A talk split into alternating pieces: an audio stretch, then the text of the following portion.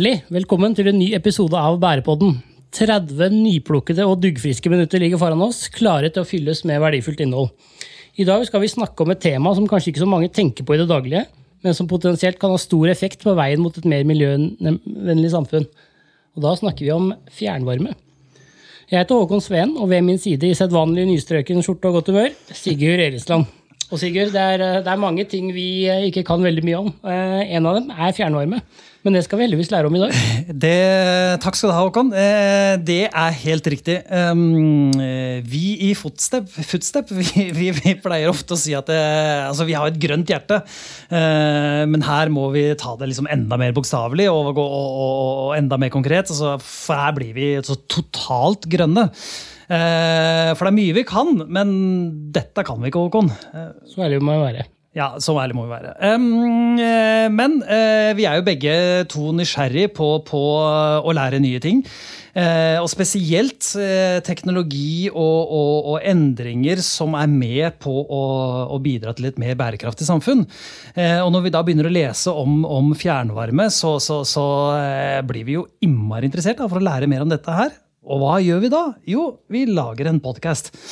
Vi har vært så heldige å ha fått besøk av kommunikasjonssjef i bransjeorganisasjonen for norsk fjernvarme, Trygve Melvan Tomren Berg. Og det navnet det er like langt som mannen selv. Eh, men han har kommet for å fortelle oss eh, hva fjernvarme egentlig er for noe, og hvorfor det er viktig i digitaliserings- og bærekraftsperspektiv, og hvor viktig sentral eh, energiforsyning egentlig er for Norge, og egentlig for hele verden. Eh, for at vi skal sammen komme med å nå det grønne skiftet. Så dette blir spennende. Det blir veldig spennende. Eh, før vi kommer så langt, så må vi nesten gi en liten løypemelding synes jeg, Sigurd, om, eh, om status i Footstep. For, vi, for vi, vi, er altså en startup som fokuserer på digitalisering, bærekraft og broen mellom disse megatrendene. Men vi sitter jo ikke bare her og lager podcaster og prater med spennende gjester. Vi lever av å levere tjenester innen strategi og virksomhetsutvikling, prosess- og prosjektledelse, kommunikasjon, endringsledelse og utrednings- og evalueringsarbeid, for å nevne noen. Og Det er rett og slett fantastisk gledelig at vi nå opplever et stort behov for å få flere mennesker eh, med på laget, som også er opptatt av å skape varige resultater og verdier for samfunnet. Så vi søker egentlig etter flere digitale hoder med grønne hjerter, vi, Sigurd. Mm -hmm. Eh, så hvis det høres eh, spennende ut eh, for deg som sitter og hører på, så slipp det du har i hendene. Ta kontakt med oss via Footstep, LinkedIn, Snapchat, ring på Sigurd, hva som helst. Vi tar gjerne en prat med mennesker som ønsker å gjøre verden litt bedre. Ja, og, og skal du ringe på hos meg, så må du komme til Grønne Lier, da, bare så det er klart. Um, men nok om oss for denne gang. Uh, vi skal straks slippe til Trygve her, men uh, aller først, her er litt footfacts. Jeg heter Katrine, og jeg jobber med bærekraft i Footstep. I en tidligere episode av podkasten vår så snakket jeg litt om eh, hva bærekraftsmålene er for noe. Og eh, det jeg bare syns også er veldig viktig å få sagt, er at disse målene er jo laget for alle land. Dette er liksom våre verdensmål. Og det er faktisk alle FNs 193 land som har vært med i utforminga av de målene her. Og intensjonen er jo å få til det som eh, Gro Harlem Brundtland eh, var så veldig flink å definere, at eh, vi skal ha en utvikling som imøtekommer dagens behov uten å ødelegge mulighetene for kommende generasjoner skal få dekket sine behov. Det er jo en kongedefinisjon. I dag så får vi et veldig spennende besøk, og vi skal snakke om energi. Og energi, det er råviktig i forhold til dette med å endre eller redusere klimaendringene. Eh, bærekraftsmål nummer sju handler om ren energi for alle. Og det handler om eh, mer effektiv energi, det handler om mer fornybar energi. Og det handler om eh, tilgang på energi, både fysisk tilgang, men også overkommelig pris. Og ikke minst så handler det om ren energi.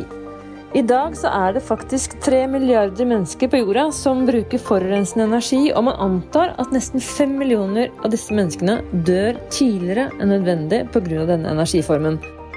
Så bærekraftsmål nummer sju, som sier at vi skal sikre tilgang til pålitelig, bærekraftig og moderne energi til en overkommelig pris for alle, handler så til de grader om miljø. Men det handler jammen i meg mye om mennesker også. Så Spennende å høre hva, hvordan fjernvarme kobler seg på det her. Som alltid spennende og interessante ord fra fantastiske Katrine Deli der også. Og da skal vi endelig få slippe til Trygve Melvang Tommeren Berg, som står og tripper på andre sida av bordet her. Han er kommunikasjonsdirektør i Norsk Fjernvarme. Velkommen til Bærepodden, Trygve. Takk for det, og veldig glad for å bli forfremma til direktør i løpet av noen få minutter. Kommunikasjonssjef, kommunikasjonsdirektør. Ja, ja, det er, det er- det er det er- så nærme at jeg må nesten godta. Eh, aller først, Trygve. Hvem er du, og hva er egentlig fjernvarme? Ja, Det var jo to spørsmål på en gang. Eh, Jeg er en eh, kar som også kommer fra Grønne Lier opprinnelig, som eh, Sigurd er. Eh, Og har jobba med å fortelle historier, eh, stort sett. Eh, 13 år som journalist. Endte opp i Brussel, og da bytta jeg beite til kommunikasjon. Og det har jeg drevet med siden. Og kommunikasjon om noe som betyr noe, er litt viktig for meg. Så derfor så jobber jeg med fornybar energi, som vi skal snakke om i dag. Og fjernvarme altså Dere var jo inne på det i stad, egentlig, med det grønne hjertet. Eh, Fjernvarme er byens grønne hjerte. Og fjernvarme er egentlig et eh, begrep som eh, høres litt feil ut, fordi det er jo nett ganske nært. Altså Det er energi som fins der hvor folk bor og jobber, som distribueres da til hus og bygg og industri og andre virksomheter. Og det er varmt vann i rør, eller kaldt vann i rør, og det er kjøling. Så i og med at det verken er fjernt eh, eller bare varmt, så har vi begynt å kalle det for noe annet, nemlig urban energi. Det er rett og slett energi eh, som fins i byene. Byens grønne hjerte. Så en slags hub for å distribuere energi. Ja. Kan man si at norsk fjernvarme er omtrent det samme for, eh, for, for energi- eller fjernvarmebransjen som det IKT Norge er for IT-bransjen? Ja, det er riktig. Vi er en organisasjon som samler bransjen i landet. Eh, Både de som produserer og distribuerer fjernvarme, men også de som leverer teknologi og tjenester til bransjen. Så vi har eh, både da, måte, såkalt ordinære medlemmer og assosierte medlemmer. Eh, Så vi fungerer som en møteplass for den bransjen, og vi ser at den møteplassen blir stadig større. Og stadig nye aktører som kommer med. Og de siste åra så har også mye av våre assosierte medlemmer drevet med det som dere driver med, nemlig digitale tjenester. Og det ser vi er stadig viktigere. Og det er ikke sånn at eh, man digitaliserer fordi man har hørt det på en podkast. Man digitaliserer jo fordi det gir en gevinst um, i begge ender, egentlig. At, bedre, at kunden får et bedre produkt gjennom at vi som uh, forsyningsbransje kjenner kunden bedre og kan tilpasse produksjonen bedre. Og I vår bransje så handler det om å levere fornybar energi riktig mengde når du trenger det. Og det skal alltid kunne leveres. Og det stiller ganske store utfordringer for, eh, for de som leverer, men, eh, men eh, gjør også at man har mye å jobbe med. Og det, vi ser at digitaliseringsverktøy er en veldig viktig del av det framover. Men, men, men hva skjer i, i bransjen rundt, rundt akkurat dette her sånn? Hvilke prosjekter er det man holder på med? Nei, altså jeg hørte jo på podkasten deres tidligere om IKT Norge, som du nevnte. Og eh, Der var det jo snakk om eh, en, en megatrend egentlig innenfor eh, elektrifiseringen og digitaliseringen, nemlig disse store datasentrene. Eh, og alle som har eid en eh, PC, veit at eh, når den står på, så blir den jo varm. Og det som skjer i et datasenter, er at det er fryktelig mange servere som står på. De blir mer og mer energieffektive. De bruker mindre og mindre energi. Men det blir mange flere av dem. Så eh, i disse datasentrene så putter man inn ekstreme mengder med strøm, og ikke minst da effekt, altså totalen av altså når alt står på på en gang. Det er en stor, stor utfordring for kraftnettet. Eh, elektrifiseringen av Norge krever mye av kraftnettet og eh, mye strømproduksjon. Men det som skjer når du putter strøm inn i en datamaskin, er jo at det blir en del varme. Og når du putter strøm inn i et datasenter, så er det ca. like mye varmeenergi som kommer ut av det datasenteret, som det du putter inn av elektrisk energi. Og siden vår bransje jobber med å ta vare på den type energikilder, så kan man f.eks. da eh, ta vare på den energien som kommer ut av datasenteret, og bruke det til å varme opp det kontoret vi står i her. Eh, så, eh, og det er en interessant ting, fordi eh, vi har nå eh, As we speak så står de oppe på Ulven i Oslo og, og bygger en sånn løsning hvor eh, et selskap som heter Digiplex, som er, eh, ja, det er vel Nordens største datasenterselskap, tror jeg. Jeg tror Digiplex er ganske kjent for eh, alle våre digitale hoder eh, der ute i eh, sfæren. Ja, nemlig. Eh, De er opptatt av bærekraft. Og de skjønner at det å bygge datasentre i et kraftnett som blir stadig trangere, som, som utløser store investeringer, det å kunne gjenbruke energien som de putter inn i datasenteret, det er en bærekraftig løsning. Så på Ulven så har Digiplex inngått en avtale med eh, Fortum Oslo Varme. Som er eh, Norges største produsent av det urbane energi. Da, fjernvarmekjøling. Eh, som leverer ja, ca. 30 av oppvarmingseffekten her i byen. Byens grønne hjerte i Oslo. De skal nå levere kjøling til det datasenteret, sånn at de får varmen ut. Og ett datasenter, Digiplex sitt på Ulven, det er tilsvarende 5000 leiligheters oppvarmingsbehov. Så det er ikke småtterier. Det er litt, altså. Men eh, for vi, vi har jo da gjort som sagt et, til et lite poeng det at man, sånn, denne digitaliseringen og de, mange av de løsningene som, som, som, som det digitale, digitale kommer fram til for å løse noen av de bærekraftsutfordringene. Altså Paradokset som ligger da i at Eh, tilsynelatende da, at, at disse eh, datahallene eh, konsumerer veldig mye energi. Det har dere løsningen på, da? Det er iallfall en del av løsningene. Eh, og altså, Vår bransje handler om å ta vare på det som ellers ikke ville blitt brukt av energi. Det er en slags sånn sirkulær energi, da, kan du si. Eh, så om det er spillvarme, eller om det er bioenergi som ligger og råtner i skogen og isteden kan kan brennes og utnyttes varmen til, eller, eller om det er eh, kloakken. Altså Kloakken er varm når du dusjer eller går på do. Så skyller du ned ganske mye energi ned i sluket, som kan gjenvinnes ved hjelp av varmepumper. Det gjøres også her i Oslo. På Skøyen så står det et av verdens største varmepumpeanlegg og gjenvinner varme fra Oslo-kloakken tilsvarende det er vel en sånn 10 000-15 000 leiligheters oppvarmingsbehov.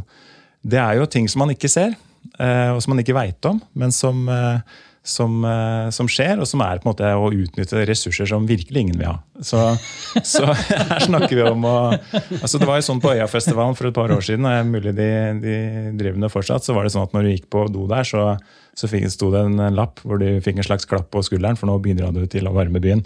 Så um, det er viktig å ta vare på ressurser som er på avveie. Og da regner jeg med at noe av døren forsvinner underveis? Ja, det heldigvis. Ja. Det er det. Så, men, men konseptet handler jo om det å utnytte, uh, utnytte tapet i en del prosesser.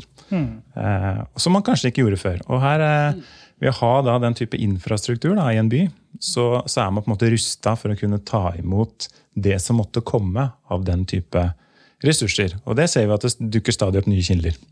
Jeg vet jo at um, eh, I, I, Norge så har vi kanskje vært litt sånn bortskjemte da, med, med, med, tilgang til, til, elektrisitet og energi. Eh, og andre land har måttet ha andre typer løsninger for dette. Eh, hvor, men, men, i forhold til ditt fagfelt, da, hvor, hvor, er vi i forhold til eh, resten av Europa? Eh, altså, eh, I Norge så er folk vant til å brenne strøm for å få varme. Panelovnen er det folk tenker på når man har eh, oppvarmingsløsninger. Og det var et bevisst valg. Eh, på 70-tallet i Norge, når det var oljekrise, så erstatta man mye av de fossile oljefyrte anleggene i byggene med elektrisitet. Og det var billig, og hadde, det var gjennomregulert, og man hadde god tilgang på det gjennom, gjennom vannkraften. Nabolandene våre tenkte annerledes. og I Sverige så bygde man isteden fjernvarmeløsninger, som egentlig da handla om å ta bort den oljefyren og så erstatte den med bioenergi og andre løsninger. Ehm, for at man skal utnytte fjernvarme, så trenger man eh, vannbåren varme i et bygg. Altså en radiator, ikke en panelovn. Ehm, og når man har det, så kan man egentlig fyre det bygget med hva som helst. Man kan bruke strøm, man kan bruke varmepumper, man kan sette inn en biokjel f.eks. Eller koble seg på et fjernvarmesystem. Det er det vi kaller energifleksibilitet. Og det tror vi er en utrolig viktig trend nå, i det samfunnet som er mest opptatt av, eh, av grønn energi, men også å bruke ressursene riktig. At byggene settes i stand til å kunne utnytte det som måtte være av grønn energi. Um, så det er en grunnleggende ting. Der er vi i Norge litt annerledes enn resten av Europa, i og med at vi har veldig mye elektrisk oppvarming. Og, og en panelovn kan du bare fyre med strøm. Mm. Eh, men eh, byggeforskrifter og andre ting eh, er viktig der for å få en utvikling. Og, og også det å ha framoverlente eiendomsutviklere som, som, skjønner at det er smart å bygge energifleksibelt. Mm. Vi har nylig fått ny olje- og energiminister i Høyre, Stina Bru. For mange er hun et eh, forholdsvis ubeskrevet blad, men samtidig blir hun av enkelte trukket frem som en, som en ung, moderne og fremadstormende. Hva tenker du at hennes inntreden har å si for bærekraftsperspektivet i energibransjen? Jeg tror det er veldig viktig med eh, å få unge folk inn egentlig, i de postene der. Og altså, Tina Bru er, hun er ung, men hun har også ganske bred erfaring uh, fra foreldre leire, og det, det er positivt. Eh, litt usikker på hvor positivt det er med stadig bytter av statsråder i, i viktige departementer. for da, så Vi som jobber med å snakke en del med dem, må jo starte på scratch stort sett hver gang. Eh, men, og Særlig når man da representerer noe som ikke alle vet hva er med en gang. Men, men eh, det vi ser, da, er jo at for vår bransje så er Tina Bru viktig og Olje- og energidepartementet viktig. Men, men, Kommunaldepartementet er minst like viktig, for der sitter en som har ansvar for byggeregelverket. Eh, vi vet at eh, Klima- og miljødepartementet er superviktig, for det handler om eh, en stor del av virksomheten vår. Og den sektorovergripende trenden, som egentlig alltid har vært der, den blir bare viktigere og viktigere. Fordi det går ikke an å tenke silo lenger. Man er nødt til å se ting i sammenheng. Og hvis man drar ned til min gamle arbeidsplass i Brussel, så er sektorkobling et sånt buzzword som kommer nå. Og Det handler nettopp det at man er nødt til å se ting i, i sammenheng og samspille. Det er ikke én løsning, det er summen av løsningene som blir viktig. Og Særlig når vi har dårlig tid, skal kutte utslipp, det skal gå fort, eh, det blir stadig strengere krav, så kan man egentlig ikke drive solospill. Og Derfor så må man se ting i sammenheng, og det blir utrolig viktig for Tina Bru i den jobben hun har. At hun, at hun ser helheten og klarer å samarbeide også med de andre departementene for å få få helhetlige løsninger. Det er helt avgjørende for at man skal kunne nå alle de målene man har satt seg på, på, på det grønne området. Mm. Flere og flere flytter eh, inn til byer. Eh, hvor viktig er fjernvarme eller urban energi i det grønne skiftet verden er på vei inn i? Nei, det, altså det at folk flytter til byer er jo en megatrend. Urbaniseringen har pågått eh, lenge. og Derfor så bruker vi jo selvfølgelig henger oss på den med å kalle det urban energi. Men, men det finnes ikke fjernvarme i grisgrendte strøk. Dette er en løsning for der hvor byggene står tett. Ehm, så det å utnytte eh, energien eh, i området, men også energien i byggene og Vi ser jo industriprosjekter også, hvor f.eks. i Moss, da, hvor eh, Rockwool har en, en, fabrikk som ligger i Moss, som krever ganske mye energi, men som har også mye overskuddsenergi. Den er nå bygd inn mer eller mindre i fjernvarmesystemet i Moss, hvor den både da kan levere spillvarme til fjernvarmenettet når den har overskudd, og eh, kjøper energi når de trenger det. Så gjennom det tiltaket der så klarer de å på en måte gjenbruke sin egen energi, selv om de ikke har behov for den når de har den, men, men mater den inn på nettet og kutter egen fossilbruk i industrien. Så vi ser at um, når man ser disse tingene i sammenheng, så, så får, man, uh, får man på en måte noe som blir større enn delene. Og For å ta en liten, eh, en liten eh, oppfølger på det, så, så snakker veldig mye om, mange om hydrogen nå. Du har utslippsfrie energibærere, fjernvarme er igjen, strøm er igjen. Hydrogen er også igjen. Eh, det blir ikke noe utslipp når du forbrenner hydrogen. Men for å produsere hydrogen så kan du gjøre det med fossil energi, eller du kan gjøre det med elektrisk fornybar energi. Og vi mener at det siste er det beste. Problemet med det er at når du lagrer strøm som hydrogen, dette er veldig teknisk.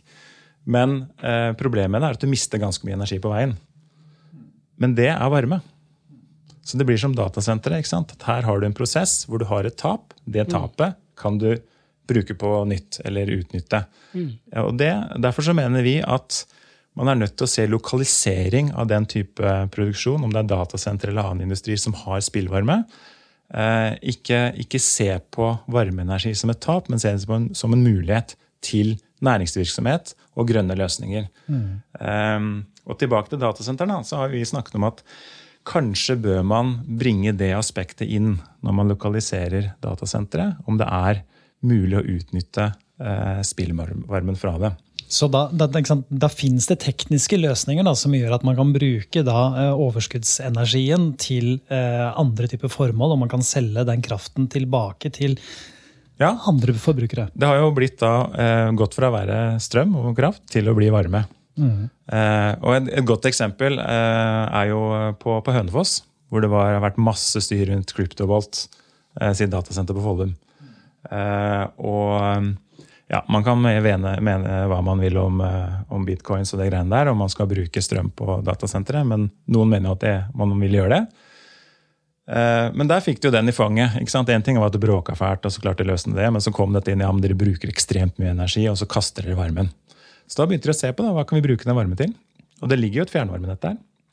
Der har de rik tilgang på bioenergi. Eh, så de fikk liksom ikke det helt til å fly. Men det som har skjedd der, da, er at det har etablert seg en, en bedrift ved siden av dette datasenteret som eh, driver med ved. Eh, og hva er poenget når man selger ved? Når man er tørr. Og hvordan kan man tørke ved? Jo, f.eks. å bruke varmen fra et datasenter. Så de har jo fått en veldig god produksjonslinje ved å utnytte den energien i produksjonen av tørr ved. Så, og Sånn tror jeg man må tenke, og det er litt sånn utover vår egen bransje. Men at man ser at eh, det er ressurser på avveie som, som trengs da, når man skal, skal, få fart i det grønne skiftet. Hvor stor andel av energiforsyningen i Norge står fjernvarme for i dag? Og hva tenker du liksom er potensialet? Nei, Potensialet er uendelig. Fordi det er så mye spillvarme og, varme rundt omkring i dette samfunnet her som man egentlig ikke bruker. Så i Norge så er det litt sånn som jeg sa tidligere, at, eh, at det er kanskje på brukssiden at eh, proppen er. Så, så, vår bransje har tilgang på veldig mye energi som man kunne ha levert. Så det handler egentlig bare om å få forbrukssiden på plass. Eh, og det er jo en invitasjon til alle som hører på denne poden her, at det er mye tilgjengelig effekt i byene. Uh, og så um, Totalt i Norge så produseres det ca. 6 TWh med fjernvarme. Som i sånn kraftsammenheng ikke er kjempesvært. Uh, men det tilsvarer hva Klimakur nettopp sa trengs for å, å, ta hele transportsektoren og nå målene innen 2030. Så det er liksom den størrelsesorden der. Men, men som jeg sa, fjernvarme er en byløsning. Så dette er en del av det lokale energisystemet. Og der spiller det veldig stor rolle. Eh, og for F.eks. her i Oslo vi står nå, så er det utfordringer med elbillading. Eh, fordi i det lokale kraftnettet så må det være plass til den effekten. Alle som har en elbil, kan dette her nå etter hvert. det, er, det handler om hvor fort du får lade bilen din, hvor mye effekt som er tilgjengelig. Og skal du lade fort, så er det makseffekt. og Det er sånn boost-funksjonen på induksjonskomfyren. Da, liksom, da går det så remmer og tøy og holder. Og hvis kraftnettet ikke kan levere, så blir det svart. Og da blir det ikke bare svart for deg, da blir det svart for alle. Eh, så, så hvis du skal ha ordentlig lading i, byen, og det er trangt i kraftnettet, så må man bygge mer nett. Det er dyrt. Og Det er den store kostnaden ved elektrifisering av Norge. Én ting er produksjon, men den distribusjonen er kjempeviktig. Men hvis du eksempel, har et bygg som står med sånt anlegg som dere har her, og det er en eh, elektrisk løsning som leverer energien, så kan du kanskje erstatte den elektriske oppvarmingsløsningen med noe annet, f.eks. fjernvarme. Og da frigjør du den kapasiteten eh, som den, det bygget hadde på oppvarming. Den, den er borte. Mm. Og da har du kanskje plass til den elbilladinga du har. Og det er et kjempepotensial i norske byer eh, for fjernvarmeløsninger. Å få frigjort kapasitet i kraftnettet, i det lokale kraftnettet, sånn at man får på plass den elektrifiseringa som man trenger, som f.eks. elbillading uten at man trenger å bruke enorme summer på kraftnettet. Det er et kjempepotensial. Mm. Mm. Ja, det høres nesten ut som en um, jeg skal ikke si forutsetning, men, men, men, men, i hvert fall veldig veldig viktig i forhold til hele elektrifiseringen. Altså ferjetrafikk, når man snakker om elektrifisering av den. og eh, ja, mm. eh, Som du sier, alle vi som har elbiler, det for, å si det sånn, at um, alle folk eh, etter hvert vet hva en kilowatt-time er. Det er, det er energien. Færre har, vet hva, hva kilowatt er, som er effekten. Altså kapasiteten. Eh, og på samme måte så vet folk veldig mye hva energiøkonomisering er, altså enøk. Men jeg mener vi bør eh, snakke mer om eh, effektøkonomisering. Så altså vi må snakke mer om watt, og vi må snakke mer om e-fuck. Og da får vi slagordet framover. Det er what e-fuck. Så hvis du bare kan huske på det, hvis du husker noe fra denne podkasten Den husker du sikkert. Den husker jeg. Husk den, fordi det er faktisk den store utfordringen. Vi må få plass til det vi trenger av eh, utslippskutt og elektrifisering i kraftnettet. Og da må vi bare utnytte de kildene vi også har som alternativer til kraftnettet, der hvor det er mulig, for å gjøre det billigst mulig. Så når vi snakker om fremtidens energimarked da fram mot 2030, så er det what the fuck? Da er det what the fuck. Det er klart, det vil fortsatt være viktig med energiøkonomisering om ingen skal sløse med strøm. Men, men når, man, når, man, bygger kraftnett, så er det ganske viktig at, at man bruker det. Og det er veldig dumt å bruke, å bruke masse milliarder av kroner på kraftnett som nesten aldri brukes, for å ta de effekthoppene. Uh, så ja, uh, what the fuck, folkens. Og, det, og det, det, blir et marked også, et effektmarked, hvor, hvor, man kanskje også får nettopp digitale løsninger for å kunne kjøpe og selge tilgjengelig kapasitet i kraftnettet. Jeg skrur av noe sånn at du skal få plass. Mm. Det har en verdi. Mm. og det kan man gjøre gjennom styringsløsninger i kraftnettet. Man, men man kan også se på det som altså fjernvarmenettet kan ha den funksjonen. Fordi Eh, I motsetning til veldig mange av land rundt oss, så bruker vi også strøm i fjernvarmen. Eh, et fjernvarmesystem kan bestå av veldig mange kilder. I Oslo så er det 19 forskjellige varmesentraler i Oslo. Eh, og noen av dem er elkjeler. Så de bruker strøm når, når, strømmen er billig. Altså når det er tilgjengelig kapasitet. Men med en gang det blir trangt i nettet, så kan de eh, kjelene slås av sånn. Og Dermed så frigjøres det masse kapasitet i nettet også.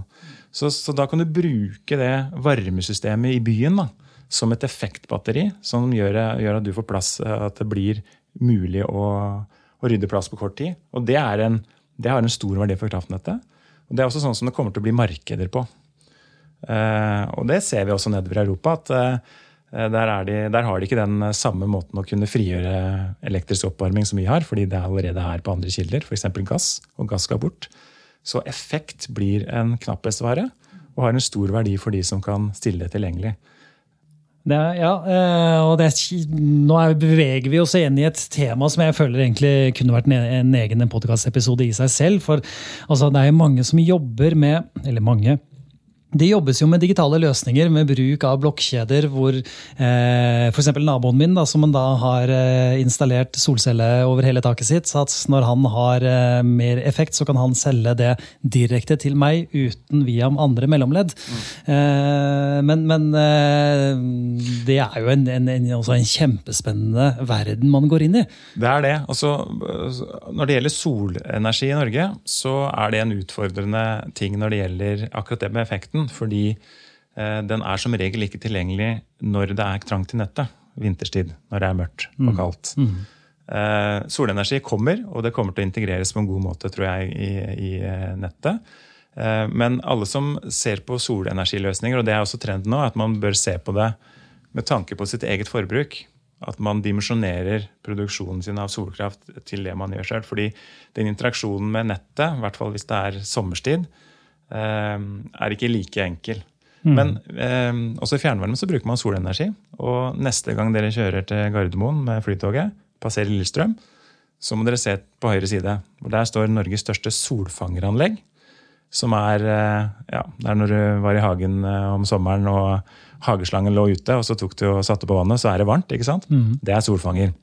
Det er rett og slett at vannet i, i, blir varmt. Så setter man opp paneler med masse, en kjempelang hageslange i paneler eh, og produserer varme. Og på Lillestrøm så gjør de det. Eh, det kan dere se når dere kjører der ute. Og eh, så lagrer man det i en stor tank, en akkumulatortank, sånn at eh, Lillestrøm eh, har eh, solvarme dagen etter. Så på Lillestrøm så dusjer de i sola fra i går pga. det solfangeranlegget. Så Når du integrerer sol i et system, som også har andre kilder, kjemperessurs. Spennende. Veldig bra.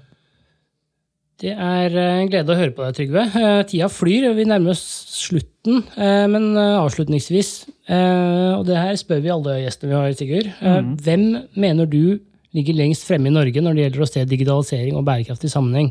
Hvem mener du fortjener litt ekstra oppmerksomhet? Jeg tenker du i, i vår sammenheng, da? Eller, eller generelt? det er opp til deg, tenker jeg.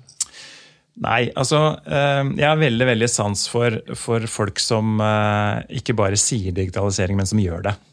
Eh, og det er, Hvis jeg skal trekke fram vår bransje, da, mm. som jeg vil kjenne best, så vil jeg gi en stor honnør til et par duder borti i Bergen, i BKK Varme, som sitter og, og har tatt noen gode steg med veldig sånn tæring etter næring-digitalisering.